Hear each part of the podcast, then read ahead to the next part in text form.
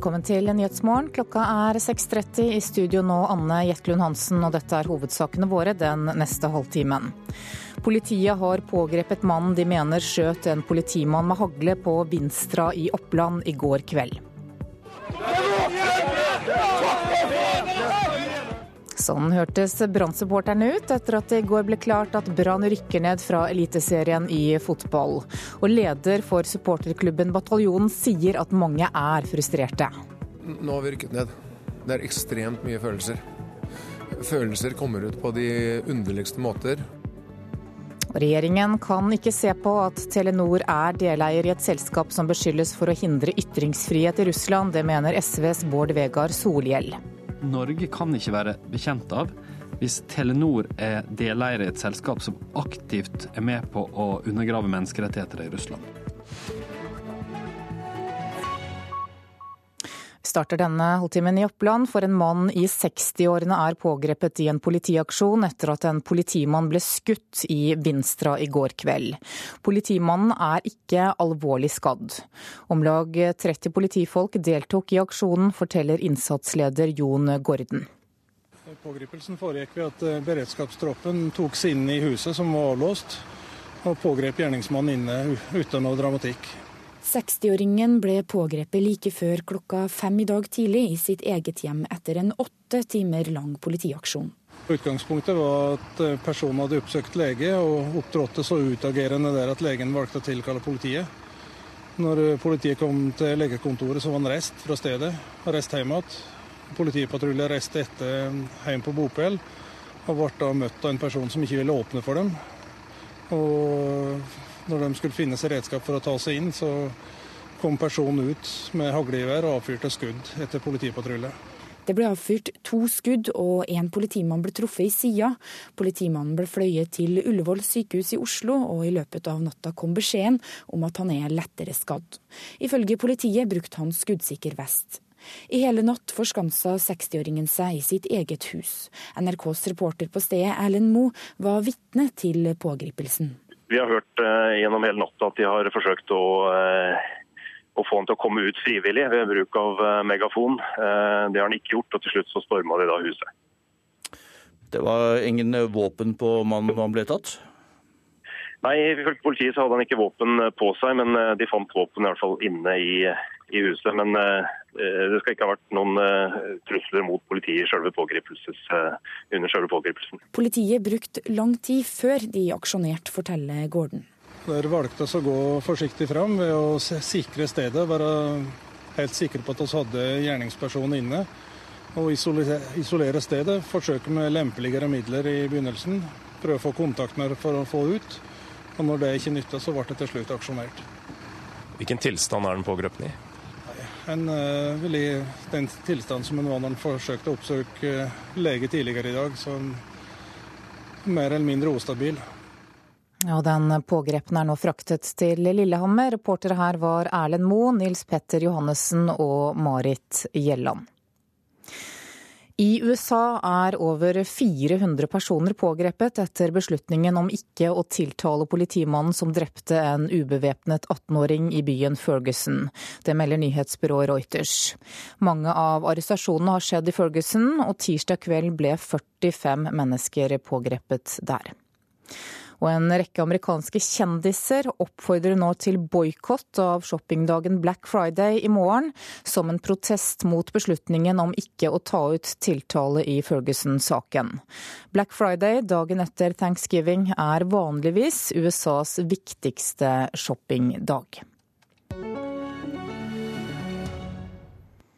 Regjeringen kan ikke sitte og se på at det statlige Telenor er deleier i et selskap som beskyldes for å hindre ytringsfrihet i Russland. Det mener SVs Bård Vegar Solhjell. En russisk TV-stasjon og flere nettsider som er kritiske til president Vladimir Putin er blitt stengt den siste tiden, og dette bryter med våre kjerneverdier, mener Solhjell. Norge har én politikk på menneskerettigheter. Men et selskap som eh, norske stat er deleier i, de ser vekk fra de samme prinsippene og, og den samme politikken. Jeg syns at Monica Mæland og regjeringa her må ta affære. Norge kan ikke være bekjent av hvis Telenor er deleier i et selskap som aktivt er med på å undergrave menneskerettigheter i Russland. Telenor eier 33% både av mobiltelefon- og internettselskapet VimpelCom og deres leverandør Beeline. Begge har vært blant de ivrigste til å stenge systemkritiske nettsider og en av Russlands største TV-stasjoner, uten at Telenor har protestert. Det har derimot både Google, Facebook og Wikipedia.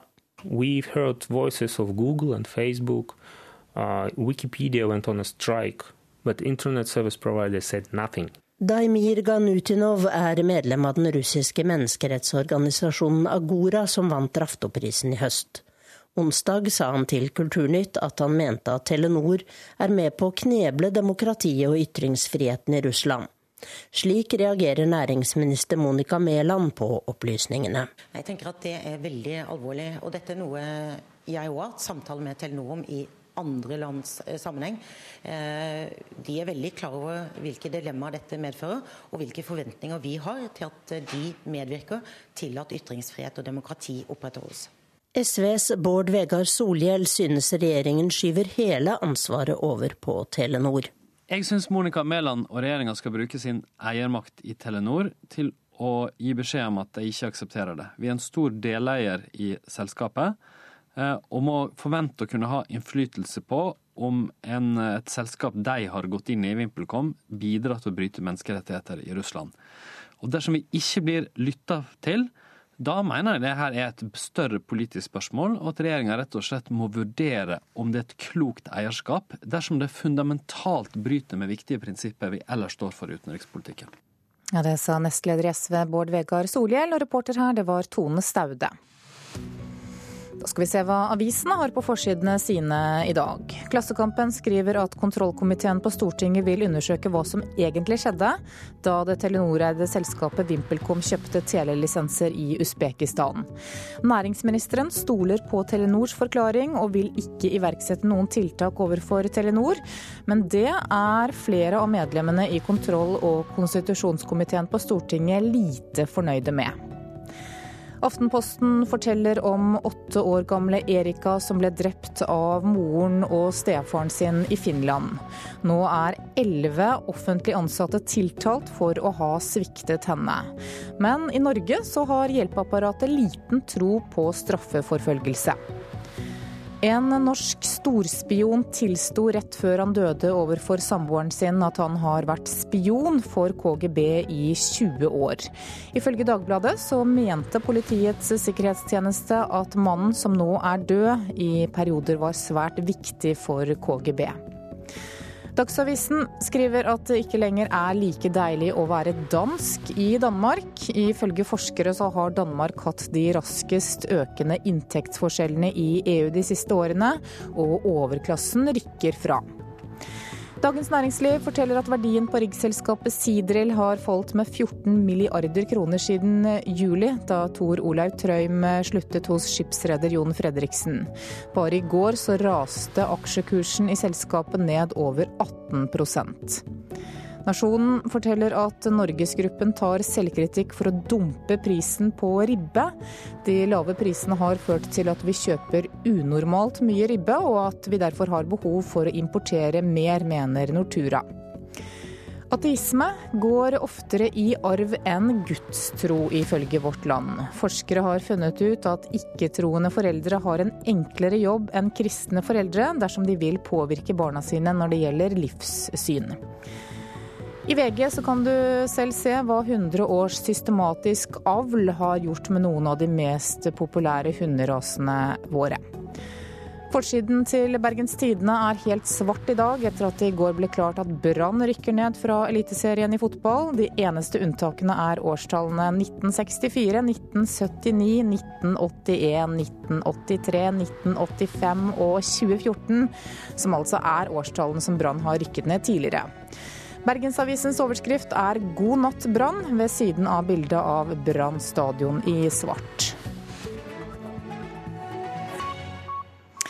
Det skal handle om Brann også videre nå, for Branns trener Rikard Norling ville oppsøke tilholdsstedet til Brann-supporterne i Mjøndalen i går kveld, etter at det ble klart at bergensklubben rykker ned fra Eliteserien i fotball.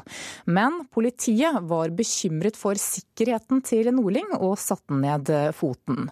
Det oppsto håndgemeng da Brann-treneren snakket med supporterne rett etter kampen i går. Brann har nettopp rykka ned. Rikard Norling må beskyttes av politi, og han vil snakke med rasende supportere. Nei, det er mer at jeg vil at de skal gis mulighet til å si hva de tykker til meg. Supporterleder Roger Lillebø Hansen er òg mellom de som stiller seg mellom Brann-treneren og de sinteste. Rikard Nordling eh, vil inn og snakke med supporterne, vil stå for eh, jobben sin. Og det syns jeg han skal ha respekt for. Hvordan blir han møtt? Nei, det men, Du vet, nå har vi rykket ned. Det er ekstremt mye følelser. Følelser kommer ut på de underligste måter. 20 minutter senere går Hansen, Nordling og en representant for politiet opp i andre etasje i klubbhuset for å snakke sammen. At Rikard Nordling har et uh, sterkt ønske om å være med der vi har et samlingssted. Uh, det har han fått beskjed av Fotballforbundet og politiet at det skal han ikke. Hva tenker du om den vurderingen om at du ikke skal komme dit?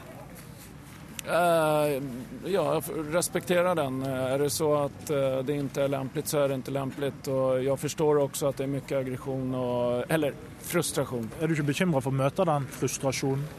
Passionen, Jeg ser passionen i hele ansiktet på dem, og det, det, det er det jeg ser, og det er det jeg någonstans også måtte stå til svars for. Reporter her, det var Oddgeir Øystese. Det er altså mye følelser og mye frustrasjon og sjefredaktør Gard Steiro i Bergens Tidende. Aller først, dere har valgt å kjøre svart forside på avisen deres i dag. Er det sånn det føles å være bergenser? Ja, i Bergen føles jo dette som en liten nasjonal tragedie. Det er klart at dette, dette hadde vi ikke trodd, og dette går, tror jeg går inn på store deler av byen. Ja, Hva betyr nedrykket? Nei, Det betyr jo at bergensere må høre dette i ett år og kanskje enda lenger om denne sesongen. Og så betyr det jo, er det jo vil jeg tro at de fleste oppfatter det som litt nedverdigende og smått utrolig at sportsklubben Brann skal ta turen ned i førstedivisjon. Hva er grunnen til at klubben nå rykker ned, egentlig? Det er ganske sammensatt. Det er jo, Spillerne har jo et ansvar, treneren har et ansvar. Men mange av de som kjenner klubben best, peker jo på at dette er feilprioriteringer over år i den sportslige ledelsen i klubben, som gjør at en et lag som Brann, med de ressursene og de supporterne, klarer det kunststykket å gå ned en divisjon. For Før sesongen så sa jo også Rikard Norling at Brann skulle vinne serien, og nå rykker altså klubben ned etter 27 år i den øverste divisjonen i norsk fotball. Hvilke konsekvenser bør det få? Nei, det, Nå sier jo sportsklubben Brann at de skal evaluere seg sjøl, og det er jo på høy tid.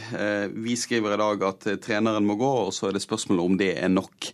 Men det må jo få konsekvenser for måten klubben er drevet på. Det er jo det som jeg sier, smått utrolig at det er mulig med de ressursene å tape for Altså først å komme på kvalifiseringsplass, og så klare det å tape mot Mjøndalen på den måten de gjør. For, for, mange av oss som bor i Bergen, så føles det nesten helt uvirkelig at det er mulig å få det til. Ja, hvordan vil du oppsummere kampen i går? Nei, Det var jo bare pinlig fra første spark, omtrent. Altså, det var jo ikke, Brann var jo ikke i nærheten av å vinne den kampen. Mjøndalen var et, var et mye bedre lag. og det var, ja, det var nesten som man ikke trodde det man så. Bergen har jo, eller Brann har jo i år slitt litt med oppmøte på stadion. Hvor mange tror du kommer til å møte opp på kamper i, i førstedivisjon nå det neste året? Det er et veldig godt spørsmål. Helt på tampen av sesongen har jo oppmøtet vært godt. Eh, altså, da har jo byen stilt opp for laget, og Brann er jo en del av Bergens DNA på mange måter. Jeg tror nok at den mest lojale supporterskaren vil følge laget ned i førstedivisjon og forhåpentligvis opp igjen. Men det blir, en, det blir jo litt ny hverdag for oss da, å skulle spille mot Levanger og Åsane og nest Sotra til neste år. Så hvor mange som følger med på bortekampene, det er jeg veldig spent på. I går så var det iallfall 400 bergensere som møtte opp på Mjøndalen stadion, og politiet måtte roe dem ned etter at de sendte blusser ut på banen. Hva syns du om det? Det syns jo jeg ikke noe om. Jeg syns man må prøve å rykke ned med verdighet. Eh, men jeg eh, har jo samtidig en viss forståelse for den frustrasjonen som jeg tror veldig mange bergensere har følt på fra sesongstart og helt, eh, helt til i går. Hvordan kommer dette nedrykket nå til å prege dagen i Bergen i dag? Nei, Jeg regner med alle bergensere kommer til å få høre det, som de sier, fra trøndere og eh, folk i Grimstad og alle andre steder som nå eh, godter seg over at eh, Brann rykker ned. Det er klart at et lag som snakker om at vi skal vinne gull hvert år, vi må jo også tåle å få høre det når vi, når vi går i motsatt retning. Men dette kommer helt sikkert til å prege alle samtaler i Bergen både i dag og de neste dagene. Får du ha en så fin dag som mulig. Takk for at du var med Nyhetsmorgen, sjefredaktør Garde Steiro i Bergens Tidende. Nå er klokka 6.45. Dette er hovedsakene våre. Politiet har pågrepet mannen de mener skjøt en politimann med hagle på Vinstra i Oppland i går kveld. I USA er over 400 personer pågrepet etter opptøyene de siste dagene. Og følg oss videre. Oljeprisen fortsetter å falle, og i dag skal OPEC-møtet avgjøre om de skal kutte produksjonen for å stanse prisfallet. Men nå skal vi høre at eh, den norske politiske opposisjonen bør stemme over anerkjennelse av Palestina som en egen stat. Det mener i hvert fall den tidligere israelske diplomaten Alon Liel. Han er både skuffet og overrasket over at Norge ikke har gjort som Sverige i denne saken. And uh, we're very disappointed uh, because for us is not uh, the Norwegian tradition for fighting for human rights, fighting against injustice. Vi er veldig skuffet. For oss er ikke dette den norske tradisjonen om å slåss for menneskerettigheter og slåss mot urettferdighet. Jeg håper Norge finner tilbake til seg selv, sier Alon Liel til NRK i Jerusalem. Han er tidligere israelsk ambassadør i Sør-Afrika og stabssjef i det israelske utenriksdepartementet. Etter at Sverige offisielt anerkjente Palestina og det britiske parlamentet gjorde det samme, bestemte han seg med flere andre fredsaktivister for å forsøke å få flere land til å anerkjenne Palestina som egen stat. Han oppfordrer det norske Arbeiderpartiet som opposisjonsparti til å få til en avstemning i Stortinget, så lenge den norske regjeringen ikke vil anerkjenne en palestinsk stat. Han sier det er den eneste måten for å redde en tostatsløsning og hindre at Israel blir en apartheidstat look, we don't have time to waste. If within a year or maximum two, there will be no Palestinian state, there will never be. Vi har ikke noe tid å kaste bort. Hvis ikke det er på plass en palestinsk stat om ett eller maksimum to år, vil det aldri bli noen palestinsk stat, sier Liel. For Liel er det åpenbart at partene ikke klarer dette alene, og han håper Europa kan lede an. Og Utenriksdepartementet ønsker ikke å kommentere denne saken. Reporter var Sigurd Falkenberg Mikkelsen. Oljeprisen fortsetter å falle i forkant av det viktige OPEC-møtet i dag. Og flere kilder i OPEC mener at oljekartellet ikke kommer til å kutte produksjonen for å stanse prisfallet. Det er spørsmålet som organisasjonen av oljeeksporterende land skal ta stilling til i dag, og møtet starter altså om noen timer. Også norsk oljenæring følger spent med på hva som eh, kommer. Og sjefanalytiker Tina Saltvedt i Nordea Markets, eh, god morgen. God morgen. Du har nettopp vært på Vestlandet og snakket med folk i oljebransjen der. Hvordan var stemningen? Nei, Stemningen begynner å bli eh, mer laber enn den har vært tidligere. Det er ikke tvil om det. Det begynner å merkes at oljeprisen har falt veldig kraftig, og det begynner, å merkes på aktiviteten der. Det har jo vært noen store runder med oppsigelser, og mange jo, frykter jo egentlig at dette skal bare bare fortsette videre utover. Dette møtet i dag er altså omtalt som det mest spennende OPEC-møtet på lang tid. Hva er det som blir mest spennende i dag? Det mest spennende blir om det blir en enighet om om de skal kutte eh, både kvoten og produksjonen. For i dag er det for mye olje i markedet. Vi bruker ikke så mye olje som det produseres. Og det gjør jo at oljeprisen har falt veldig kraftig, med over 30% siden juni. Og det er klart at oljeprisen det er en viktig driver for, eh, for aktiviteten, eh, både internasjonalt i oljebransjen, men også for norsk sokkel. og Derfor er det avgjørende for hvordan oljeprisen vil bevege seg videre, hva OPEC velger å gjøre i dag. Ja, Hva er scenarioene? Ja, Det ene er jo nettopp at OPEC blir enig, at de velger å kutte både produksjonen og kvota, slik at eh, på den måten at markedet blir strammere, det kommer mindre olje inn i markedet og prisene kan gå opp. Så er det et annet scenario om at de ikke blir enig, eh, og det betyr at de kommer til å produsere like mye som de, eh, de gjør i dag. Det er mer enn det markedet trenger, og det betyr at det kommer for mye olje inn i markedet, og da vil prisene fortsette å falle. Og da kan vi se at prisene blir lavere enn det de allerede er i dag, og det vil være en stor bekymring for oljemarkedet. Hva er det som skal til for at de blir enige, da? Ja, Det er en utfordring, for her er det jo altså, mange land, mange med store politiske altså, opposisjoner. og, og altså, Det som skal til for å bli enig, det er at en ting tidligere så har man hatt en felles kvote. Eh, en enighet hvor mye man skal produsere. Den ligger på 30 millioner fat i dag. Men det som skjer nå, det er at dette kartellet kan jo produsere mer enn det. Så de er nødt til å finne kvoter per, eh, per medlemsland. Og det skal bli et kjempestort problem. fordi at eh, altså, de, de fleste av de har lyst til å produsere mest mulig, for det er jo der de henter inntektene sine fra. Og denne fordelingen, det er det som er den store utfordringen. Men hvor mye må vi kutte i produksjonen da for at vi skal få oljeprisen til å stige mye? Ja, De må kutte i hvert fall 1 million fat, kanskje mer enn det, 1,5. Og i dag bruker vi 92 millioner fat. Så det er et stort kutt som må til for å få opp prisen. For det er et svakt marked, veldig mye olje ekstra ut i markedet i dag. Tina Saltvedt, takk for at du kom hit til Nyhetsmorgen. Homeopatiske midler bør ikke selges på apoteket. Det mener Paul Joakim Sanne i den liberale tankesmien Civita. Han frykter at folk lettere kan tro produktene har en medisinsk effekt dersom de ser dem i hylla på et apotek. Apoteket på Majorstua i Oslo selger en god del homeopatiske midler. Det går en del arnika, det går en del salver, så er det en der som heter oscillococcinem. Det går også noe av. Apoteker Hoda Davod viser fram de homopatiske legemidlene de tilbyr på Majorstua i Oslo. Men ikke alle er fornøyd med at de alternative produktene selges der. Når eh, homopatiske midler selges på apoteket, så kan de gi inntrykk av at de har effekt i ren medisinsk forstand, eh, og det har de ikke. Det sier Paul Joakim Sandøy i Civita. Ifølge dagens lovverk skal alle homopatiske legemidler gjennomgå en kontroll hos Legemiddelverket. Produktene som blir godkjent skal deretter kun selges på apotek. Sandøy vil fortsatt at alternative medisiner skal kontrolleres, men ønsker at de skal vekk fra apotekene. Så jeg vil løse opp i regelverket og la dem selge disse midlene andre steder. Da tror jeg vi har større sjanse for at eh, de blir kjøpt på, eh, med et riktig inntrykk av hva dette faktisk er. Steinar Madsen i Legemiddelverket sier at deres kontroller kun kan garantere for kvaliteten på produktet, og ikke den medisinske effekten. Han deler ikke Sandøys bekymringer om at folk tillegger apoteksvarer større troverdighet enn de bør.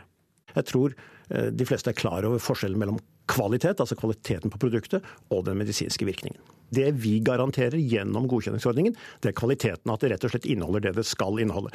Når det gjelder virkningen, så går vi altså ikke på noen måte god for det. Torleif Holst er homopat og daglig leder for Norges naturmedisinsentral.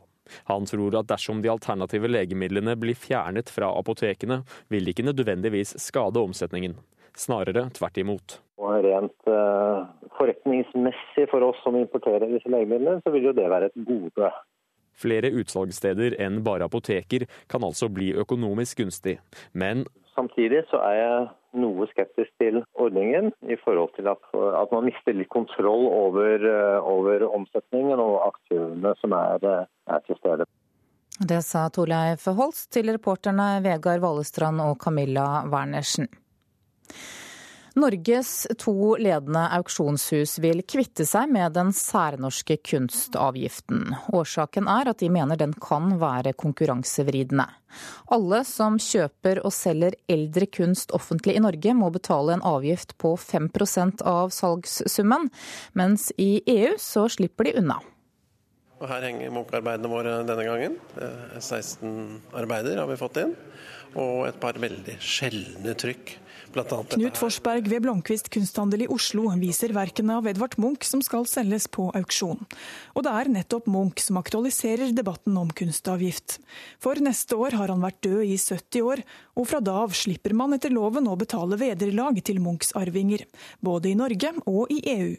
Men her hos oss slår da den særnorske kunstavgiften inn. Dermed frykter Knut Forsberg at selgere og kjøpere av Munch vil dra utenlands for å slippe avgiften. Vi tror jo at det kan bli vanskeligere. At eh, folk lar seg friste mer av utlandet. Skal vi komme til å selge et Munch-trykk til 10 millioner, så er det jo 5 avgift hos oss og null i Europa. Dette er konkurransevridende, mener auksjonshuset. Ja, Det beste er jo å fjerne avgiften. Og det nest beste er å sette et tak på den. Jeg kan ikke forstå annet enn at eh, vi kan ikke ha en særnorsk ordning. Det sier Hans Rikard Elgheim ved Grevedels plass auksjoner. Jeg tror ikke den 5 prosenten kan eksistere i sin nåværende form, eh, slik som det da er. Og man må huske at Munch-omsetning det er så store beløp. Elgheim gir oss et eksempel på hvordan dette slår ut. I fjor solgte Grevedels plass et Madonna-trykk av Munch til 8,2 millioner kroner. Så ble det da ilagt 12 500 euro, altså ca. 100 000 kroner, noe i overkant, i avgift. Eh, det var i 2013. I 2015 så ville det tilsvarende vært 5 av tilslaget, altså 410 000. En betydelig merkostnad. 410 000 i avgift i Norge og null i EU. Men det må auksjonshusene bare leve med, sier statssekretær i Kulturdepartementet Bjørgulf Vinje Borgundvåg. Eh, norske auksjonshus må konkurrere på et marked med de reglene vi har. Eh, sånn at regler, Vi har ikke endret på noen regler, men det, fordi Munch er en kjent kunstner, så adresserer de dette problemet.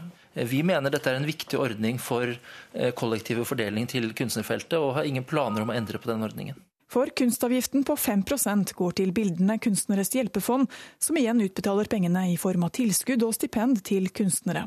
I fjor ble det utbetalt 22 millioner kroner. Styreleder Hilde Tørdal i interesseorganisasjonen Norske billedkunstnere sier dette om auksjonshusene. Jeg syns de skal sette ned eh, champagneglassene sine og skrive en ny forretningsplan, for dette er lite offensivt. Reporter her, det var Une Marvik Hagen skal vi se på et eh, værvarsel som gjelder til midnatt. Langfjella kan vente seg sørøstlig bris i dag, økende til stiv kuling utsatte steder, skyet og stort sett oppholdsvær. Fjellet i Sør-Norge unntatt Langfjella, sørlig bris, frisk bris utsatte steder, i kveld liten kuling og skyet oppholdsvær. Østlandet og Telemark skiftende bris på kysten nordøstlig. Skyet lokal tåke og oppholdsvær. Og fra sent i ettermiddag litt spredt sludd og snø sør for Mjøsa som regn på kysten. Agder østlig bris på kysten, nordøstlig liten kuling. Vest for Lindesnes østlig periodevis stiv kuling. Kan hende litt regn på kysten øst for Lindesnes, ellers stort sett oppholdsvær. Vestlandet sør for Stad sørøstlig stiv kuling utsatte steder. Til dels sterk kuling i Rogaland og stort sett oppholdsvær. Møre og Romsdal og Trøndelag kan vente seg sørøstlig frisk bris. Utsatte steder i dag, i kveld liten kuling og stort sett opphold. Helgeland og Saltfjellet må belage seg på sørlig liten kuling utsatte steder. Stort sett opphold og i kveld regn i nord. Salten, Ofoten, Lofoten og Vesterålen sørlig liten kuling utsatte steder. I formiddag og tidlig ettermiddag kortvarig sterk kuling. I kveld minkende til bris. Oppholdsvær fra i formiddag, forbigående regn fra vest, først i ytre strøk. Troms sørlig liten kuling utsatte steder. Sent i ettermiddag kortvarig sterk kuling på kysten. Oppholdsvær fra i ettermiddag litt regn, til dels sludd i innlandet. Finnmark sørvestlig liten kuling utsatte steder. I kveld stiv kuling og stort sett eh, oppholdsvær. Og på Nordensjøland på Spitsbergen er det ventet sørøstlig frisk bris utsatte steder. Fra utpå ettermiddagen dreining til nordvestlig frisk bris, sludd og regn. Så tar vi med noen temperaturer som ble målt klokka fire. Da hadde Svalbard lufthavn fem grader, Kirkenes minus én, Alta null, Tromsø tre, Bodø og Brønnøysund begge seks. Trondheim én, Molde og Bergen tre, Stavanger sju, Kristiansand tre, Gardermoen minus to. Lillehammer minus seks, Røros minus elleve og Oslo-Blindern minus to grader.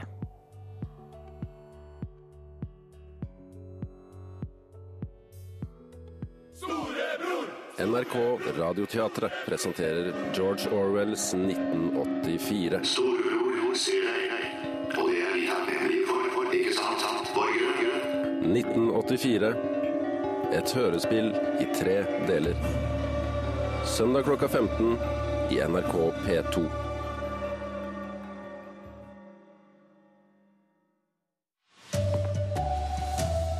Mannen som skjøt og skadet en politimann på Vinstra i går kveld, er pågrepet av politiet.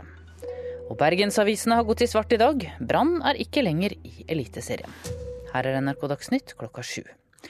Den skuddsikre vesten reddet trolig livet til politimannen som ble skutt på Vinstra i går kveld. Det sier politimester i Gudbrandsdal politidistrikt, Arne Hammersmark. Politimannen er fraktet til Ullevål sykehus med hagl i kroppen. To politimenn dro hjem til 69-åringen etter at han hadde oppført seg truende på et legekontor. Han kom imot de og Da eh, hadde han et, et våpen, rett og slett. Eh, politiet snudde og løp, og eh, ble skutt på nært hold. Først den ene som ble truffet. Skuddet gikk inn helt i, helt i nedre kant av vesten. Slik at den skuddsikre vesten har etter all sannsynlighet redda livet på tjenestemannen. Og han bomma heldigvis på den andre. Gjerningsmannen ble pågrepet rundt kvart på fem, da politiet tok seg inn i huset der han hadde forskanset seg. Over 400 personer er blitt pågrepet i USA de siste dagene under protester mot beslutningen om ikke å ta ut tiltale i Ferguson-saken. Opptøyene brøt ut i Ferguson mandag kveld etter at påtalemyndigheten besluttet å ikke tiltale politimannen som drepte den svarte 18-åringen Michael Brown i august. Det har vært demonstrasjoner i en rekke byer, bl.a. i New York, Boston, Los Angeles og Dallas. Det er en helsvart dag for mange bergensere i dag, etter at fotballaget Brann i går tapte for Mjøndalen og dermed rykker ned fra Eliteserien. Skuffelsen over det er stor, det sier sjefredaktør i Bergens Tidende Gard Steiro. Ja, I Bergen føles jo dette som en liten nasjonal tragedie. Det er klart at Dette, dette hadde vi ikke trodd, og dette går, tror jeg går inn på store deler av byen. Hvordan kommer dette nedrykket nå til å prege dagen i Bergen i dag? Nei, Jeg regner med alle bergensere kommer til å få høre det, som de sier, fra trøndere og eh, folk i Grimstad og alle andre steder som nå eh, godter seg over at eh, Brann rykker ned. Det er klart at et lag som snakker om at vi skal vinne gull hvert år, vi må jo tåle å få høre det når vi, når vi går i motsatt retning. Men dette kommer helt sikkert til å prege alle samtaler i Bergen både i dag og de neste dagene. Gard Steiro ble intervjuet av Anne Jetlund Hansen. Helge Lunds lønn i britiske BG Group kan bli kuttet på nytt. Flere av selskapets aksjonærer truer med å stemme ned lønnspakken, skriver Financial Times. Investorene reagerer bl.a. på at det ikke er sammenheng mellom målbare resultater og lønnspakken, som altså kan gi Helge Lund ti ganger mer i året enn det han hadde som konsernsjef i Statoil. NRK Dagsnytt, Tone Nordahl. Klokka er 7.03, og Nyhetsmorgen fortsetter med disse sakene. Etter å ha forskanset seg i timevis i natt, så ble mannen som er mistenkt for å ha skutt en politimann på Vinstra, pågrepet i morges. Hvordan kan kommunene greie å hindre at deres ungdommer drar ut for å krige i Syria, og hvilket ansvar har de for å forebygge? Det skal vi straks eh, tilbake til. Og mens resten av oss kommuniserer via e-post og SMS, så foregår fortsatt mye av kommunikasjonen i helsevesenet per papir. Stortingets kontrollkomité er svært misfornøyd med innføringen av IT-systemene. Ja, skuddsikker vest reddet livet til politimannen som ble skutt på Vinstra i Oppland i går kveld. En mann i 60-årene ble pågrepet i morges i en politiaksjon, og politimannen er ikke alvorlig skadd. Arne Hammersmark er politimester i Gudbrandsdals politidistrikt, og han sier at grunnen til at politimannen ikke er alvorlig skadd, er en vest. Den vil jeg påstå redda livet hans. Det var i går kveld politimannen ble skutt. Det skjedde etter legekontoret på Vinstra hadde meldt fra om en utagerende pasient. Pasienten hadde stukket av fra legekontoret og reist hjem. Da politiet kom hjem hos mannen, ble de møtt med våpen, forteller Hammersmark. Eh, det som skjedde, det var at eh, de tok kontakt eh, på huset på Bopel Og han kom imot de. Da hadde han et, et, våpen, rett og slett. Eh, politiet snudde og løp. Og eh, ble skutt på nært hold. Kanskje ned mot tre-fire-fem meter. Først den ene som ble truffet. Skuddet gikk inn helt i, helt i nedre kant av vesten. Slik at den skuddsikre vesten har etter all sannsynlighet redda livet på tjenestemannen. I hvert fall forhindra en alvorlig skade. Veldig alvorlig skade. Eh, og eh, han andre tjenestemannen ble bomskudd på. Politimannen ble fløyet til Ullevål sykehus i Oslo, og i løpet av natta kom beskjeden om at han er lettere skadd. I hele natt forskansa 60-åringen seg i sitt eget hus. NRKs reporter på stedet, Erlend Moe, var vitne til pågripelsen. Vi har hørt eh, gjennom hele natta at de har forsøkt å, eh, å, få han til å komme ut frivillig ved bruk av eh, megafon. det har han ikke gjort, og til slutt så storma de da huset. Det var ingen våpen på mannen da han ble tatt? Nei, ifølge politiet så hadde han ikke våpen på seg, men de fant våpen i hvert fall inne i, i huset. Men uh, det skal ikke ha vært noen uh, trusler mot politiet selve uh, under selve pågripelsen. Om lag 30 politimenn deltok i aksjonen. Vi har fått eh, forsterkninger fra Oslo. Vi har fått beredskapstroppen og forhandlere fra Oslo og hundepatruljer. Eh, og eh, vi har òg hatt inn Sea King-helikopter fra Forsvaret. Hvor er gjerningsmannen nå? Gjerningsmannen er på vei til Lillehammer. Hva vil skje med han nå? Han vil bli eh, framstilt eh, for lege. Eh, så får vi ta det derifra. Reportere her det var Erlend Moe, Nils Petter Johannessen og Marit Gjelland. Østfold er det fylket der flest har reist ut for å krige i Syria. Men nordmenn bosatt så langt nord som Vadsø skal ha reist ut for å være med i krigshandlingene. Det viser en omfattende kartlegging som NRK har gjort. Den unge mannen sin Facebook-profil var full av IS-propaganda.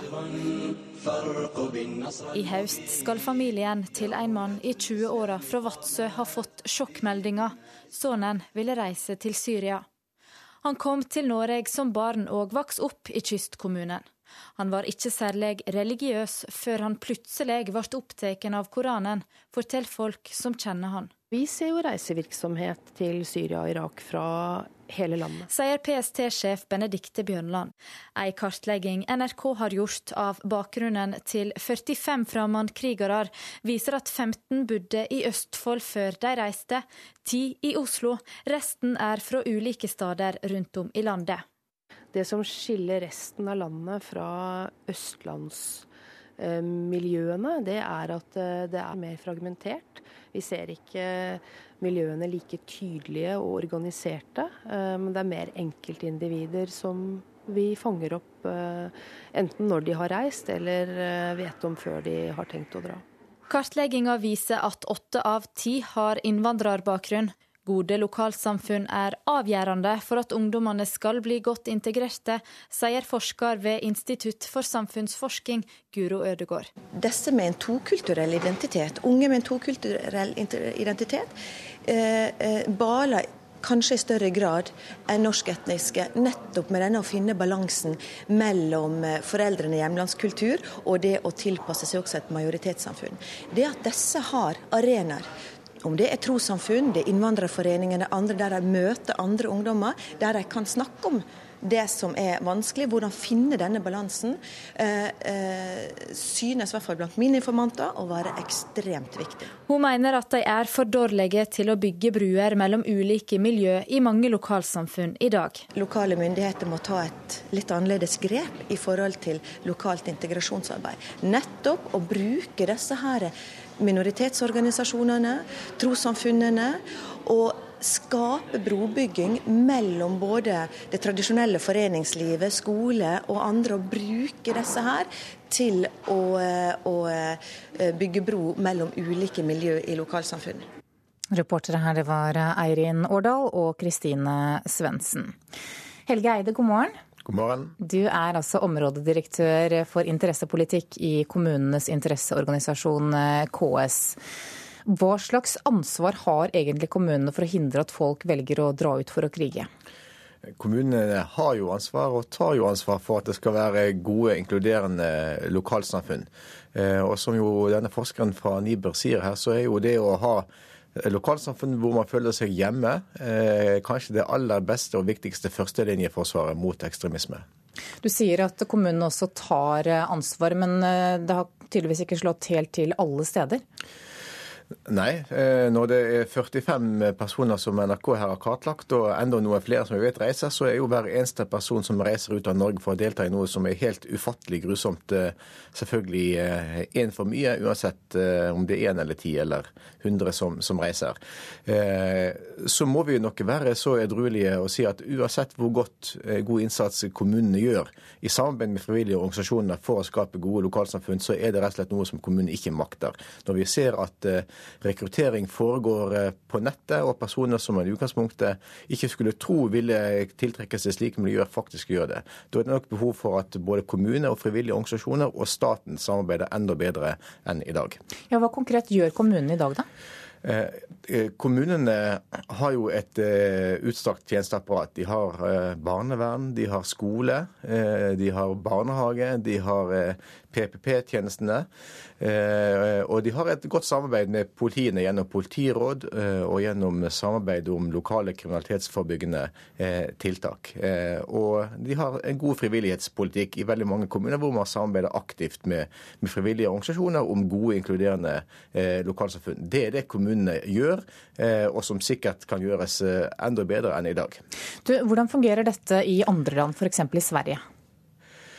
Eh, ja, Sverige eh, er jo et land som i eh, utgangspunktet har enda større integrering, eller unnskyld, innvandring over lengre tid enn hva Norge har i dag.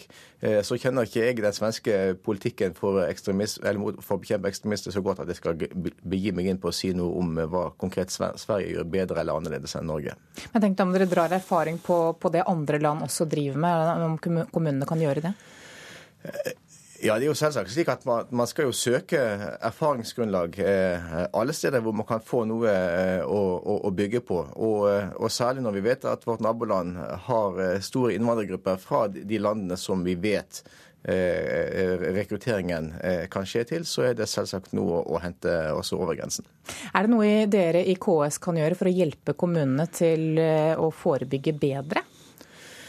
Det vi kan gjøre, og, som vi vil gjøre, det er jo å bidra med erfaringsutveksling. Eh, og vi har jo konkret eh, invitert, eh, eller sammen med, med våre bykommuner, invitert også staten til en erfaringsutveksling like over nyttår, hvor vi håper at også det kan bidra. Men det er jo viktig å understreke at det aller viktigste arbeidet det skjer jo ikke i KS, men det skjer i kommunene, i samarbeidet mellom kommunene, frivillige organisasjoner og politiet. Det er der innsatsen skal merkes.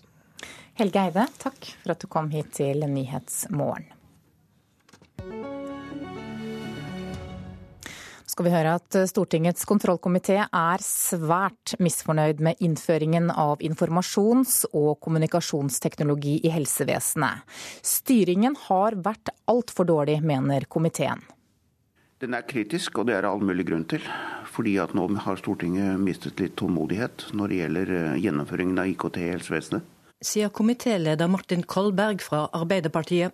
Så alvorlig ser komiteen på saken at den vil fremme forslag for Stortinget, noe som er helt uvanlig. Et forslag om at regjeringen må komme tilbake til Stortinget og fortelle Stortinget hva man nå tenker å gjøre med denne saken. For mens resten av oss snakker sammen via mail og SMS, foregår fortsatt mye av kommunikasjonen i helsevesenet på papir. Til og med faksen er fortsatt i bruk. Det er en rapport fra Riksrevisjonen som nå har vært til behandling i komiteen. Den slår fast at Helse-Norge ikke har fått de tekniske fellesløsningene de skulle hatt. I statsbudsjettet for 2011 sto det f.eks. at alle kommuner skulle kommunisere elektronisk med sykehusene innen 2014. Bare en tredel av kommunene nådde målet. Man har jo en tendens til å undervurdere problemet med å få innført IKT sier saksordfører Michael Tetzschner fra Høyre.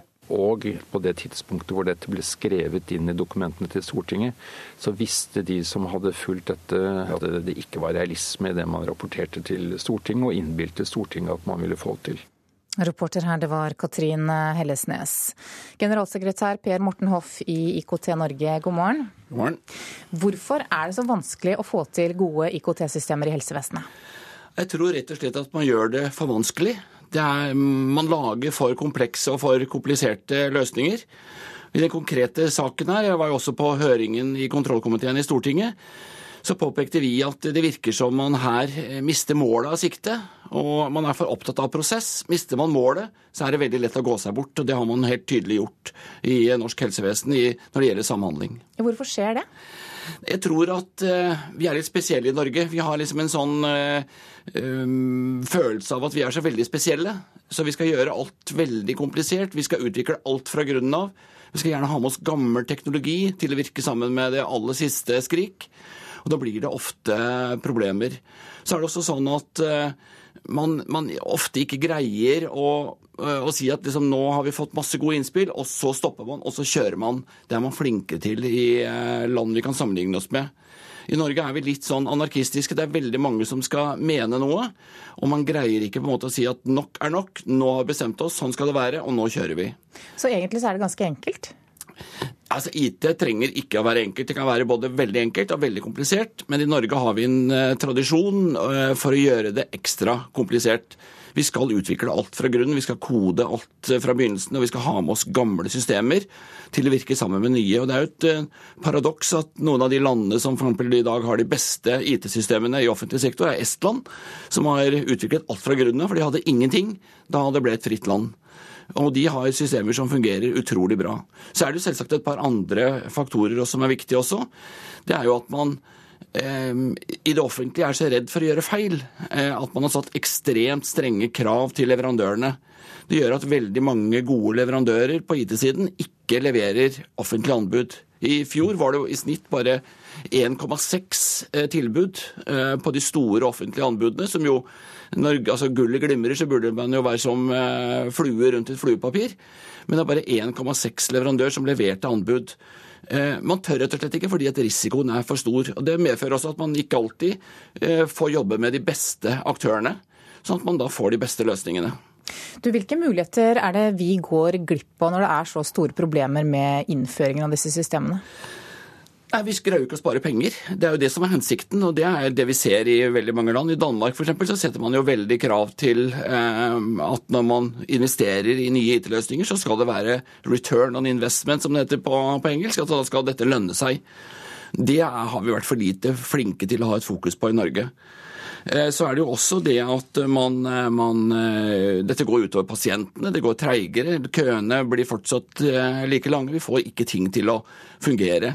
Og Et eksempel her da, i, i den konkrete helsesaken var jo at man da laget et meldingssystem, eh, men man glemte f.eks. å lage en, eh, noe så enkelt som en adressebok. Altså hvem kan man sende meldinger til?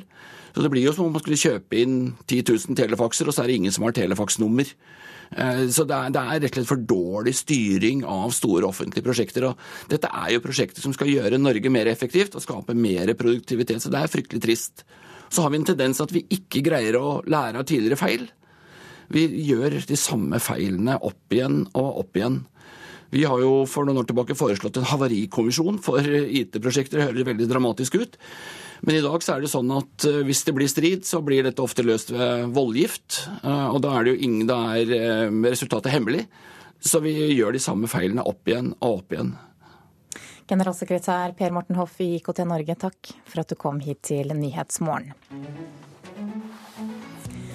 Klokka har blitt 7.18 eh, nå. Dette er hovedsakene våre. En skuddsikker vest reddet livet til politimannen som ble skutt på Vinstra i Oppland i går kveld. Østfold er verstingfylke, men nordmenn bosatt så langt nord som Vadsø skal ha reist til Syria med ønske om å krige. Og følg oss videre. EU-parlamentets høyrefløy har reist mistillitsforslag mot EU-kommisjonens leder, og i dag så må han svare. Men nå skal vi høre at en tidligere israelsk diplomat oppfordrer den norske opposisjonen til å stemme over anerkjennelse av Palestina som en egen stat.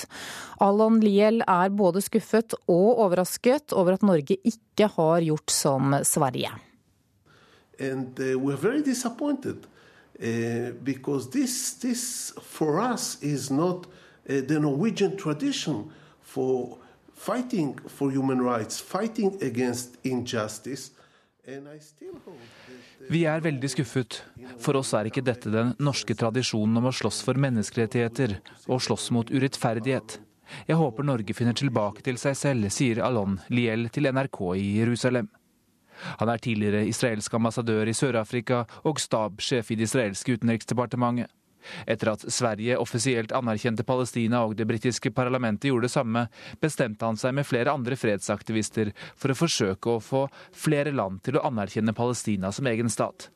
Han oppfordrer det norske Arbeiderpartiet som opposisjonsparti til å få til en avstemning i Stortinget, så lenge den norske regjeringen ikke vil anerkjenne en palestinsk stat. Han sier det er den eneste måten for å redde en tostatsløsning og hindre at Israel blir en apartheidstat. look, we don't have time to waste. If within a year or maximum two, there will be no Palestinian state, there will never be. Vi har ikke noe tid å kaste bort. Hvis ikke det er på plass en palestinsk stat om ett eller maksimum to år, vil det aldri bli noen palestinsk stat, sier Liel. Og mener at dette er viktigere enn den nåværende tilstanden på palestinsk side, der president Mahmoud Abbas styre er omstridt, og det er nå ni år siden han ble valgt. Det har ikke vært gjennomført noe presidentvalg siden. For Liel er det åpenbart at partene ikke klarer dette alene, og han håper Europa kan lede an. Uh, I know very well that uh, we would still have the apartheid around if uh, Sweden and Norway would not start seriously working on it in the 70s. And after uh. Jeg vet veldig godt at vi ville hatt apartheid i Sør-Afrika hvis ikke Sverige og Norge hadde startet å jobbe mot apartheid på 1970-tallet. Etter at de skandinaviske landene beredte grunnen, fulgte resten av Vest-Europa etter, sier han. Det franske parlamentet skal i neste uke stemme over anerkjennelse. Det er ventet at det blir ja. Israels statsminister Benjamin Netanyahu kaller avstemningen et alvorlig feilgrep. Sigurd Falkenberg Mikkelsen, Kairo. Og Utenriksdepartementet ønsker ikke å kommentere denne saken. EU-parlamentets høyrefløy har reist mistillitsforslag mot EU-kommisjonens leder Jean-Claude Juncker, og i dag må han svare. Dette er andre gang på én måned at han møtes av mistillit i EU-parlamentet. Og europakorrespondent Åse Marit Befring, hva er det han er anklaget for denne gangen? Ja, Det er de ytterliggående partiene som britiske UKIP, franske Nasjonal Front og Italias femstjernebevegelse som har samlet nok underskrifter til å tvinge frem en votering om Juncker har tillit til eller ei i EU-parlamentet i dag. De 700 parlamentarikerne skal altså si ja eller nei til Juncker. Og Grunnen til dette er saken som eksploderte i mediene for et par uker siden. Avsløringene om at store internasjonale selskaper har betalt ned ned i 1% skatt i Luxembourg i hemmelige avtaler. Og Juncker var statsminister i Luxembourg i over 20 år, også finansminister i store deler av denne tiden. Og denne skattepolitikken den mener disse partiene har gjort at andre EU-land har tapt milliarder i skatteinntekter. Og franske Marine Le Pen fra Nasjonal Front mener at å ha Juncker som EU-president er som å sette mafialeder Al Capone som leder for kontroll- og etikkomiteen. Og Forrige gang så var det sosialistene han ikke hadde tillit hos. Hva var det de var misfornøyde med? Ja, Det er de samme hemmelige skatteavtalene som de også mener gir grunn til mistillit. Sosialistene forsøkte å samle nok underskrifter til et mistillitsforslag for et par uker siden, men de mislyktes i det, trolig fordi de nektet partiene på ytterste høyre fløy å skrive under. De vil altså ikke samarbeide med dem, og har heller ikke ønsket å skrive under dette mistillitsforslaget som skal opp til votering i dag, fordi de ikke vil støtte fascismen i Europa, som en av dem sier. Så denne saken viser også hvordan det nye parlamentet, der protestpartiene vant mange seter i valget i mai, vil slite med å få til et ordentlig samarbeid. Er Jean-Claude Juncker en omstridt person? Ja, Jean-Claude Juncker er omstridt blant eh, mange, blant protestpartiene. Men også britene med statsminister Cameron i spissen kjempet lenge imot å, å få han valgt eh, som EU-president. Han er karikert som, eh, som en storrøykende selv... som en, en sleivkjeftet drukkenbolt. Og i britisk presse så har han blitt kalt Europas farligste mann fordi at han, han er sett på som EUs mann, og de mener at han ønsker å samle all makt i Brussel Brussel. Eh, men det var parlamentet som tvang frem at eh, han skulle eh, velges, fordi at han kom fra den første, største partifløyen. Takk skal du ha, europakorrespondent Åse Marit Befring i Brussel. Da skal vi se hva avisene har på forsidene sine i dag. Klassekampen skriver at kontrollkomiteen på Stortinget vil undersøke hva som egentlig skjedde da det Telenor-eide selskapet VimpelCom kjøpte telelisenser i Usbekistan. Næringsministeren stoler på Telenors forklaring og vil ikke iverksette noen tiltak overfor Telenor, men det er flere av medlemmene i kontroll- og konstitusjonskomiteen lite fornøyde med. Aftenposten forteller om åtte år gamle Erika som ble drept av moren og stefaren sin i Finland. Nå er elleve offentlig ansatte tiltalt for å ha sviktet henne. Men i Norge så har hjelpeapparatet liten tro på straffeforfølgelse. Forsiden til Bergens Tidende er helt svart i dag, etter at det i går ble klart at Brann rykker ned fra Eliteserien i fotball. Og Bergensavisens overskrift er 'God natt, Brann', ved siden av et bilde av en mørklagt Brann stadion. En norsk storspion tilsto rett før han døde overfor samboeren sin at han hadde vært spion for KGB i 20 år. Ifølge Dagbladet mente Politiets sikkerhetstjeneste at mannen, som nå er død, i perioder var svært viktig for KGB.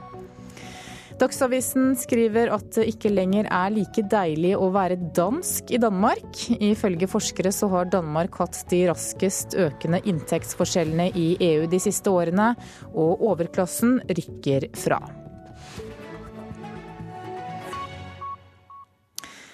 Øyeleger i Telemark har så mye å gjøre at de ikke klarer å holde unna køen av pasienter. Ofte må folk vente mellom tre og seks måneder på time hos øyelege, og både pasientene og legene selv klager over situasjonen. Kan du se de bokstavene som står på tavlene? der? Ja, D, P, jeg sliter jo med de her ristende øynene mine, da, så midt, det midterste er alltid vanskelig for meg. Mm, mm. Linnea Knutsen er hos øyelege Kirsti Grødum i Porsgrunn. Øyelegen er effektiv i arbeidet. Det må hun også være, for det er mye å gjøre. Litt mer enn jeg skulle ønske. Det må jeg si. Det er uh, veldig hektiske dager. Og det er veldig ofte vi får kommentarer fra pasientene. Jeg tror de er fornøyde, de fleste, men mange sier at å, dere har mye å gjøre, gitt. Jeg får mine tilmålte minutter mens øyelegen spiser lunsj, en pause som ofte blir kort eller utgår helt. For på venterommet vokser køen. Ofte må pasienter vente helt opp til seks måneder på en time. Jeg har full forståelse for at eh, folk syns det er vanskelig å vente hvis de engster seg for øyesykdom eh, eller føler de ser dårlig. Eh, vi har jo sett det problemet lenge og prøvd å få Helse Sør-Øst, som er de som bestemmer angående antall øyeleger i, i Norge, eller her i vårt fylke, til å forstå at det må opprettes flere stillinger. Men det er vanskelig å få gehør for det. Ja, For du syns det er en slitsom situasjon sånn som det er nå? Jeg syns ikke det er en optimal situasjon at pasientene må vente lenge. Og jeg føler jo også at det er en stressende arbeidssituasjon for eh, meg og min yrkesgruppe. Eh, og vi ønsker jo selvfølgelig å gi et best mulig tilbud, og vi tar jo selvfølgelig inn akutte ting umiddelbart. Men det blir eh, hektiske hverdager og kanskje ikke fullt så mye tid til den enkeltes behov som man skulle ønske. Helse Sør-Øst skriver i en e-post til NRK at de er klar over at situasjonen innenfor øyefaget er vanskelig i hele regionen. Det er foreslått i den nye planen for omorganisering at antall avtalespesialister innenfor øyefaget økes. I desember skal helseforetaket bestemme seg for om det skal gjøres endringer i forhold til dagens situasjon. Reporter her, det var Stian Vorsø Simonsen. Du lytter til Nyhetsmorgen. Klokka nærmer seg 7.30 og Dagsnytt. I reportasjen etter det så skal du få være med til eh, Grønland. Produsent for Nyhetsmorgen i dag det er Tonje Grimstad, og her i studio Anne Jetlund Hansen. Så minner jeg om at dersom du har tips eller kommentarer, så send oss gjerne en e-post. Adressen er 03030 krøllalfa nrk.no.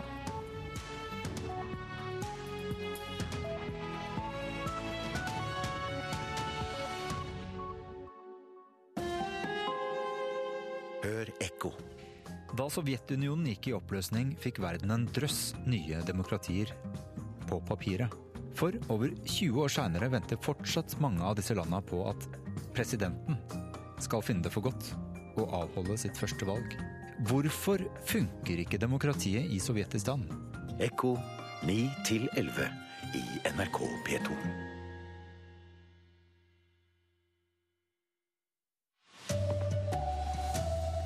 Skuddsikker vest reddet trolig livet til politimannen som ble skutt på Vinstra i går kveld. Stortinget kommer med sviende kritikk av helsemyndighetenes håndtering av datasystemer. Og det er en helsvart dag i Bergen, men Mjøndalen jubler etter seieren over Brann i går. God morgen, her er NRK Dagsnytt klokka 7.30. Den skuddsikre vesten, vesten reddet trolig livet til politimannen som ble skutt på Vinstra i Gudbrandsdalen i går kveld. En mann i 60-årene ble pågrepet tidlig i dag tidlig i en politiaksjon. Politimannen er ikke alvorlig skadd, sier politimester i Gudbrandsdal politidistrikt Arne Hammersmark. Skuddet gikk inn helt i, helt i nedre kant av vesten, slik at eh, den skuddsikre vesten har etter all sannsynlighet redda livet på tjenestemannen. Det var i går kveld politimannen ble skutt. Det skjedde etter legekontoret på Vinstra hadde meldt fra om en utagerende pasient på legekontoret. Politiet kom til stedet, men da hadde han stukket derfra. Vi kjørte hjem til hans eh, bopel. Så løsna han faktisk skudd mot politiet. Han skjøt eh, to skudd, eh, hvor han traff den ene politimannen i sida, og han bomma heldigvis på den andre. Politimannen ble fløyet til sykehuset, og i løpet av natta kom beskjeden om at han er lettere skadd. I hele natt forskansa 60-åringen seg i sitt eget hus, og NRKs reporter på stedet, Erlend Moe, var vitne til pågripelsen like før klokka fem i morges. Vi har hørt uh, gjennom hele natta at de har forsøkt å, uh, å, få han til å komme ut frivillig ved bruk av uh, megafon. det har han ikke gjort, og til slutt så storma de da huset. Det skal ikke ha vært noen trusler mot politiet under selve pågripelsen. Om lag 30 politimenn deltok i aksjonen. Gudbrandsdalspolitiet fikk forsterkninger fra beredskapstroppen, helikopter og spesialister på forhandling. Hvor er gjerningsmannen nå? Gjerningsmannen er på vei til Lillehammer.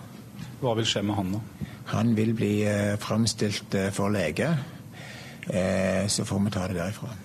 Reportere her Marit Gjelland og Geir Rød. Stortingets kontrollkomité kommer med usedvanlig kraftig kritikk av helsemyndighetenes håndtering av datasystemer i helsevesenet. En samlet komité slår i sin innstilling fast at styringen har vært for dårlig, og at målene Stortinget har vedtatt, ikke er nådd. Den er kritisk, og det er det all mulig grunn til. Fordi at nå har Stortinget mistet litt tålmodighet når det gjelder gjennomføringen av IKT i helsevesenet sier komitéleder Martin Kolberg fra Arbeiderpartiet. Så alvorlig ser komiteen på saken at den vil fremme forslag for Stortinget, noe som er helt uvanlig. Et forslag om at regjeringen må komme tilbake til Stortinget og fortelle Stortinget hva man nå tenker å gjøre med denne saken. For mens resten av oss snakker sammen via mail og SMS, foregår fortsatt mye av kommunikasjonen i helsevesenet på papir. Til og med faksen er fortsatt i bruk. Det er en rapport fra Riksrevisjonen som nå har vært til behandling i komiteen. Den slår fast at Helse-Norge ikke har fått de tekniske fellesløsningene de skulle hatt. I statsbudsjettet for 2011 sto det f.eks. at alle kommuner skulle kommunisere elektronisk med sykehusene innen 2014. Bare en tredel av kommunene nådde målet. Man har jo en tendens til å undervurdere problemet med å få innført IKT sier saksordfører Michael Tetzschner fra Høyre. Og på det tidspunktet hvor dette ble skrevet inn i dokumentene til Stortinget, så visste de som hadde fulgt dette at det ikke var realisme i det man rapporterte til Stortinget, og innbilte Stortinget at man ville få til. Reporter her var Katrin Hellesnes. Over 400 personer er blitt pågrepet i USA de siste dagene under protester mot beslutningen om ikke å ta ut tiltale i Ferguson-saken. Opptøyene brøt ut i Ferguson i St. Louis mandag kveld etter at påtalemyndigheten besluttet å ikke tiltale politimannen som drepte den svarte 18-åringen Michael Brown i august. Det har vært demonstrasjoner i en rekke byer over hele USA. Østfold er verstingfylke, men nordmenn bosatt så langt nord som Vadsø skal ha reist til Syria med ønske om å krige. Det viser en omfattende kartlegging NRK har gjort. Noen reiser fra små steder. Den unge mannen sin Facebook-profil var full av IS-propaganda.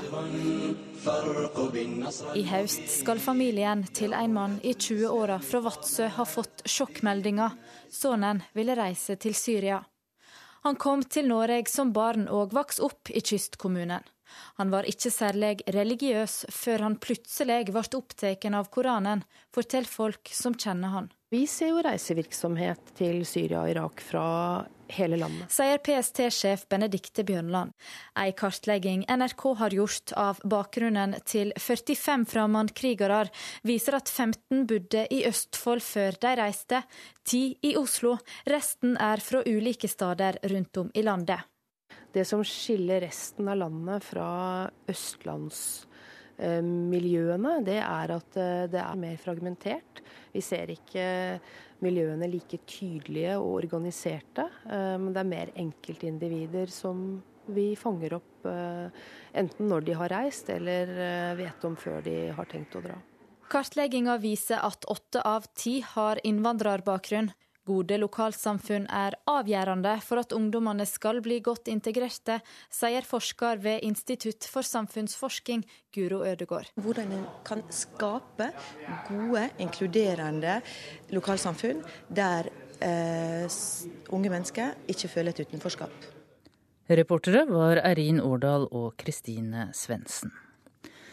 En tidligere israelsk diplomat oppfordrer den norske opposisjonen på Stortinget til å stemme over anerkjennelse av Palestina som egen stat. Allan Liel er både skuffet og overrasket over at Norge ikke har gjort som Sverige i denne saken. And uh, uh, because this, this for us is not uh, the Norwegian tradition for fighting for human rights, fighting against injustice. Vi er veldig skuffet. For oss er ikke dette den norske tradisjonen om å slåss for menneskerettigheter og slåss mot urettferdighet. Jeg håper Norge finner tilbake til seg selv, sier Alon Liel til NRK i Jerusalem. Han er tidligere israelsk ambassadør i Sør-Afrika og stabssjef i det israelske utenriksdepartementet. Etter at Sverige offisielt anerkjente Palestina og det britiske parlamentet gjorde det samme, bestemte han seg med flere andre fredsaktivister for å forsøke å få flere land til å anerkjenne Palestina som egen stat. Han oppfordrer det norske Arbeiderpartiet som opposisjonsparti til å få til en avstemning i Stortinget, så lenge den norske regjeringen ikke vil anerkjenne en palestinsk stat. Han sier det er den eneste måten for å redde en tostatsløsning og hindre at Israel blir en apartheidstat. Look, we don't have time to waste. If within a year or maximum two, there will be no Palestinian state, there will never be. Vi har ikke noe tid å kaste bort. Hvis ikke det er på plass en palestinsk stat om ett eller maksimum to år, vil det aldri bli noen palestinsk stat, sier Liel. For Liel er det åpenbart at partene ikke klarer dette alene, og han håper Europa kan lede an. Og Utenriksdepartementet her hjemme ønsker ikke å kommentere denne saken nå. Reporter var Sigurd Falkenberg Mikkelsen. Fotball er neste tema. Det er helt uvirkelig, det sier kaptein Mats Hansen etter at Mjøndalen sikret eliteserieplassen da laget vant 3-0 mot Brann i går kveld. Brann rykker ned! Og Mjøndalen er klare for Eliteserien i fotball! Vi kunne vel ikke drømt om noe bedre ramme, og det var litt sånn eh, uvirkelig. Litt sånn, eh, du kan jo drømme om det på forhånd, liksom, men at du faktisk vi står her og har en sånn, eh, sånn ramme og sånn jubel her. Og... Inntrykkene var mange for en sliten, men lykkelig Mjøndalen-kaptein Mats Hansen etter 4-1 sammenlagt over Brann. Dermed er bruntrøyene klare for Eliteserien for første gang siden 1992, og Brann skal spille i førstedivisjon for første gang siden 1986. Mjøndalen-trener Vegard Hansen sier at hardt arbeid endelig har gitt resultater. Det er eh, nesten litt rørende å se hvordan de jobber og står på og, og går i press. og det, Jeg har pressa dem og mast på dem, og de gjør som, som vi sier og, og, står på hele veien inn. så er, Når du kombinerer hard jobbing med, med kvalitet, så, så kan du få til sånne dager som det her. Reporter i dette innslaget var Hilde Liengen. Det er jubel eh, i Mjøndalen også, men i Bergen er det helsvart.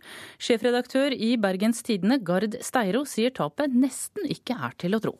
Ja, I Bergen føles jo dette som en eh, liten nasjonal tragedie. Det er klart at Dette, dette hadde vi ikke trodd, og dette går, tror jeg går inn på store deler av byen. Det betyr jo at bergensere må høre dette i ett år, og kanskje enda lenger, eh, om denne sesongen. Og så betyr det jo, er det jo eh, vil jeg tro at de fleste oppfatter det som litt nedverdigende og smått utrolig at sportsklubben Brann skal ta turen ned i førstedivisjon. Ansvarlig for Dagsnytt denne morgenen er Sven Gullvåg. Det tekniske ansvaret har Per Ivar Nordahl. I studio Tone Nordahl.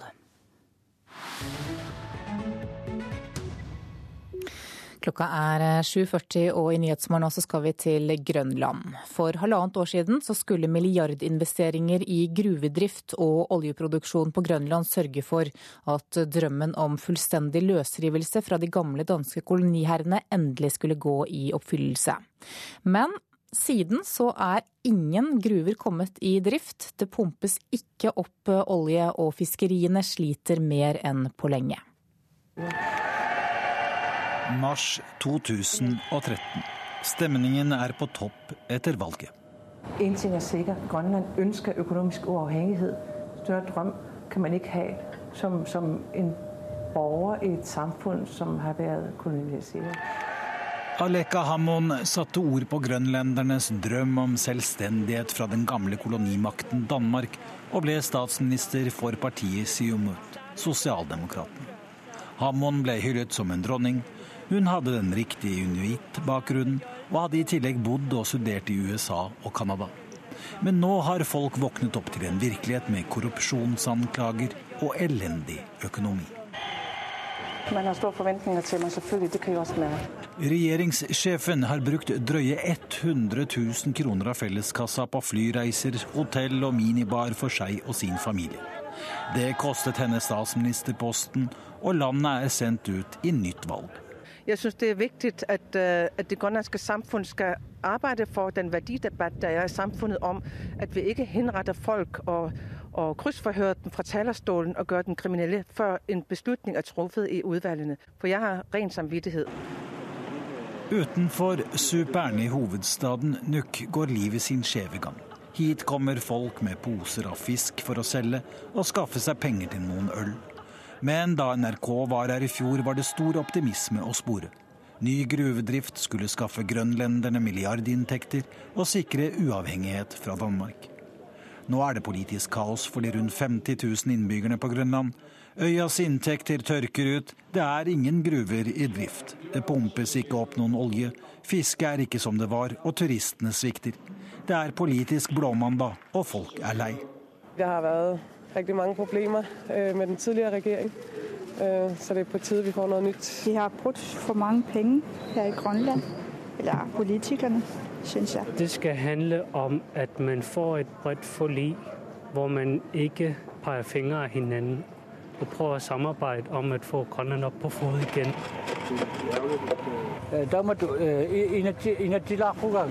Det er tidlig morgen ved havna. Fiskerne skal ut på sjøen. Skinnluene er tredd godt nedover ørene, og agn er med i store, svarte bøtter. Nå er det nettopp fiske, arbeidsledighet og bostedspolitikk som preger debatten foran valget. Sara Olsvik fra Inuittisk samhold ligger an til å bli ny sjef for Grønlands selvstyre. Det kommer til å være hardt for alle. Fordi vi skal ha omprioritert øh, samfunnets midler. Og vi sier også klart at vi kan ikke unnvære de her reformer. Derfor skal man kunne skjelne mellom tomme valgløfter og realistisk snakk. Håpet om økonomisk uavhengighet fra Danmark, som sponser øya med fire milliarder i året, er mildt sagt svunnet noe hen siden forrige valg. Men det er noe som alltid vil bestå på Grønland fiske. Også for Kim Kielsen, som sitter på posten som midlertidig statsminister etter Hamons avgang. Det skal du ha. Det er det du henter din styrke ut. Det er det vi alltid har hentet vår styrke ut. Det skal du ha. Ja, fiske det skal man ha, sa midlertidig statsminister på Grønland Kim, Nils, Kim Kielsen, og reporter her det var Øyvind Nyborg. Klokka har passert 7.44. Du lytter til Nyhetsmorgen. Dette er hovedsakene våre. En skuddsikker vest reddet trolig livet til politimannen som ble skutt på Vinstra i Oppland i går kveld. En mann i 60-årene ble pågrepet i morges etter å ha forskanset seg i timevis i natt.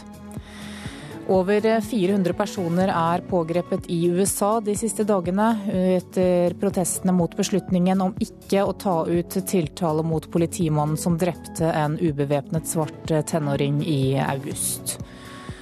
Og oljeprisen fortsetter å falle. I dag skal OPEC-møtet avgjøre om de skal kutte i produksjonen for å stanse prisfallet. Klokka nærmer seg 7.45. Det betyr at du skal få Politisk kvarter med programleder Cecilie Roang Bostad.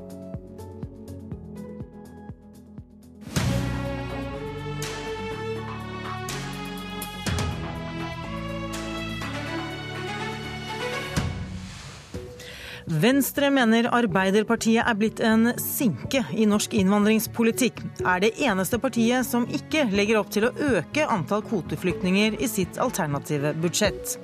Og debatten om Nato innad i SV er langt fra over. Bård Vegar Solhjell får omkampen han har bedt om når landsstyret samles lørdag.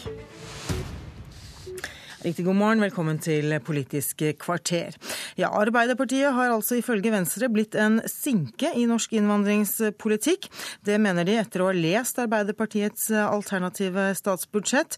For mens de andre partiene legger opp til en økning i forhold til regjeringens opprinnelige forslag på 1500, har Arbeiderpartiet ingen tillegg til det. Eirik Sivertsen, innvandringspolitisk talsmann i Arbeiderpartiet, velkommen. Hvordan oppleves det å bli kalt en sinke i norsk innvandringspolitikk? Litt eh, overraskende, syns jeg. Eh, og på feilaktig grunnlag er vår oppfatning. Hvorfor det? Ja, altså, la meg få lov til å starte med å gratulere Rotevatn, Venstre og KrF med etter tre uker intense forhandlinger og klart å forhandle frem 500 ekstra kvoteflyktninger. Det betyr at budsjettforliket er oppe på det nivået som regjeringa Stoltenberg foreslo for inneværende år. Eh, så I så henseende så er det jo mer Venstre og KrF som kommer etter, og har dratt regjeringa etter hårene frem til det nivået Arbeiderpartiet la opp til. Men nå ligger dere 500 under? Ja, men eh, det her er jo, en, er jo en lang historie. Eh, for inneværende år så foreslo vi en ekstra kvote eh, for flyktninger fra Syria på, på 1000. Eh, I forbindelse med revidert nasjonalbudsjett så foreslo vi en egen Syria-milliard, som bl.a. Venstre eh, var imot. Eh, men så fatta Stortinget et vedtak, og da var vi sammen med Venstre og KrF om, der vi ba regjeringa om å redegjøre for hvor mange syriske flyktninger kan vi faktisk ta imot. For Det er en ekstraordinær og akutt og prekær situasjon i Syria. og Da mener vi at vi må også finne en ekstraordinær løsning på det.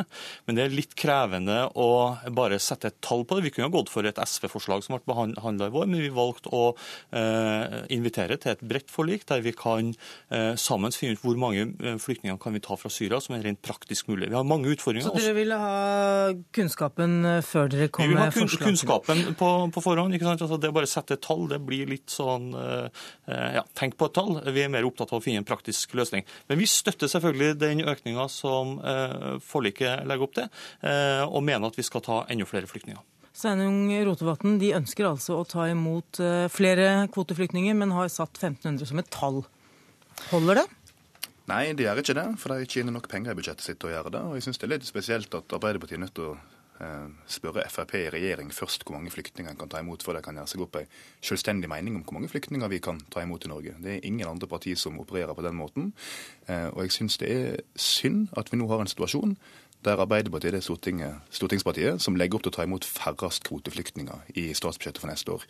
Um, og Vi er jo glade for at vi fikk med oss Høyre og Frp på å løfte nivået fra 1500 til 2000. Det er et historisk høyt antall. Vi har aldri tatt imot så mange kvoteflyktninger før. Det er veldig bra. Så ser jeg at Arbeiderpartiet nå mener at det borgerlige forliket er så bra at de kommer med en revidert versjon av sitt eget statsbudsjett. Det kan det for så vidt være god grunn til hvis en leser Dagens Næringsliv i dag, der en ser at Arbeiderpartiet har eh, regna feil med 3 milliarder i budsjettet sitt og skal øke skattene med 13 og ikke 10 milliarder. Men jeg håper at når de også kommer med sitt nye budsjett nå, at de kan legge inn 2000 kvoteflyktninger. For da betyr det at vi har et bredt stortingsflertall for et historisk høyt nivå, og det vil være viktig for norsk flyktningpolitikk. Men er det ikke fornuftig å sitte med kunnskapen om hvor mange vi faktisk klarer å ta imot, før man lover bort noe?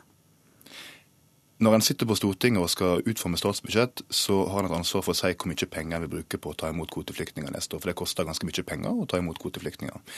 Alle andre partier på Stortinget sier dette er det antallet vi tar imot, her er pengene vi legger inn for å gjøre det.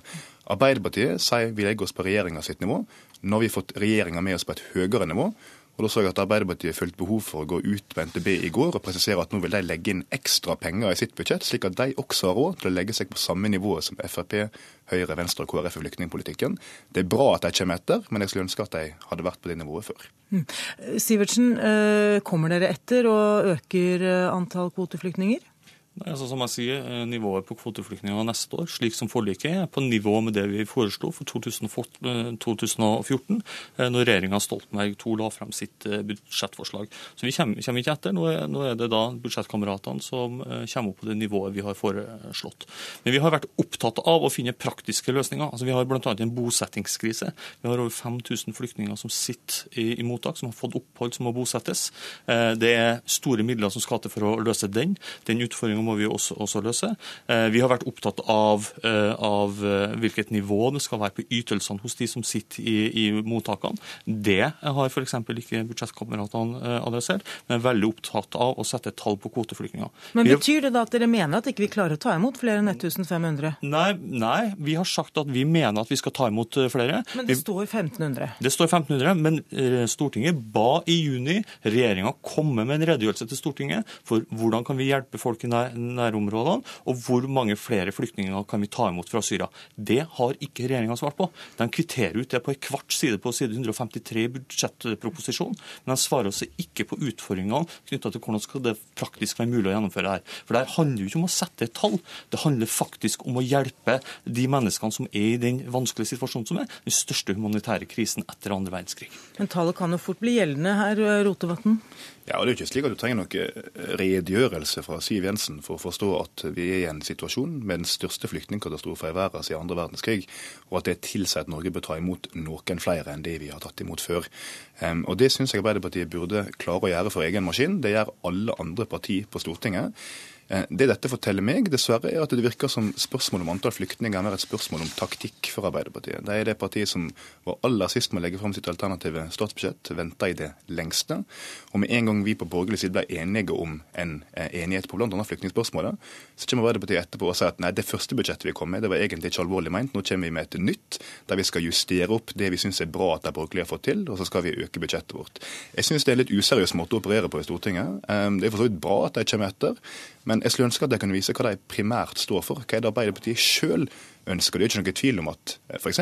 SV dro Arbeiderpartiet i positiv retning i flyktningsaken i forrige eh, regjering. Men nå viser de jo hva de sjøl står for. Det er et nivå på linje med Høyre og Frp. Men det er heldigvis andre som er mer ambisiøse. Vi har fått med oss regjeringa på et mer ambisiøst nivå. Ja, Sivertsen, er dere for defensive her? Det, nei, det er vi ikke. Du smilte eh, da, men, men, men, ja, men altså, Når, når Rotevatn her eh, er så opptatt av, av tall, så, så, kan vi jo eh, se også på Venstre sin, sin atferd.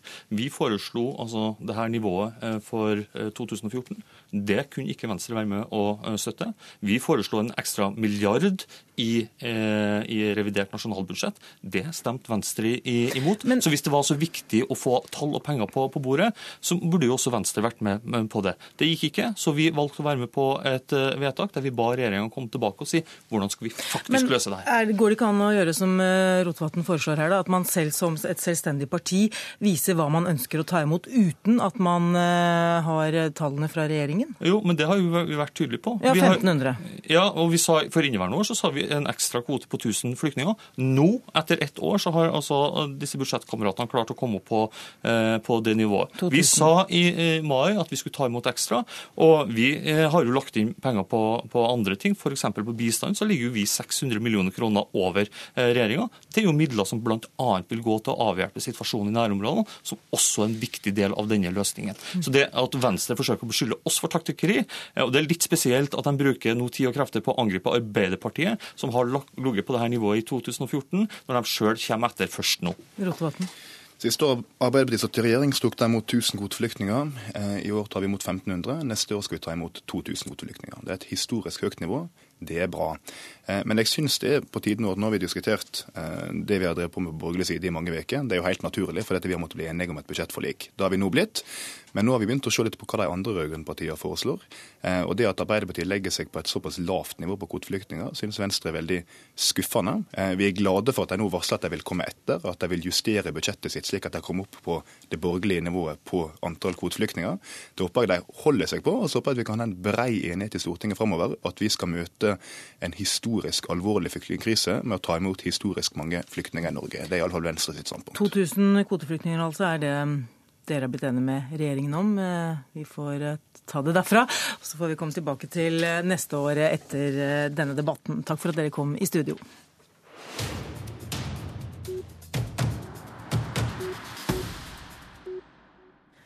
Lørdag har SV landsstyremøte. Der vil Bård Vegar Solhjell få omkamp om partiets holdning til Russland og Nato. Det hele begynte med et eh, nederlag for SV-ledelsen på det forrige landsstyremøtet i september.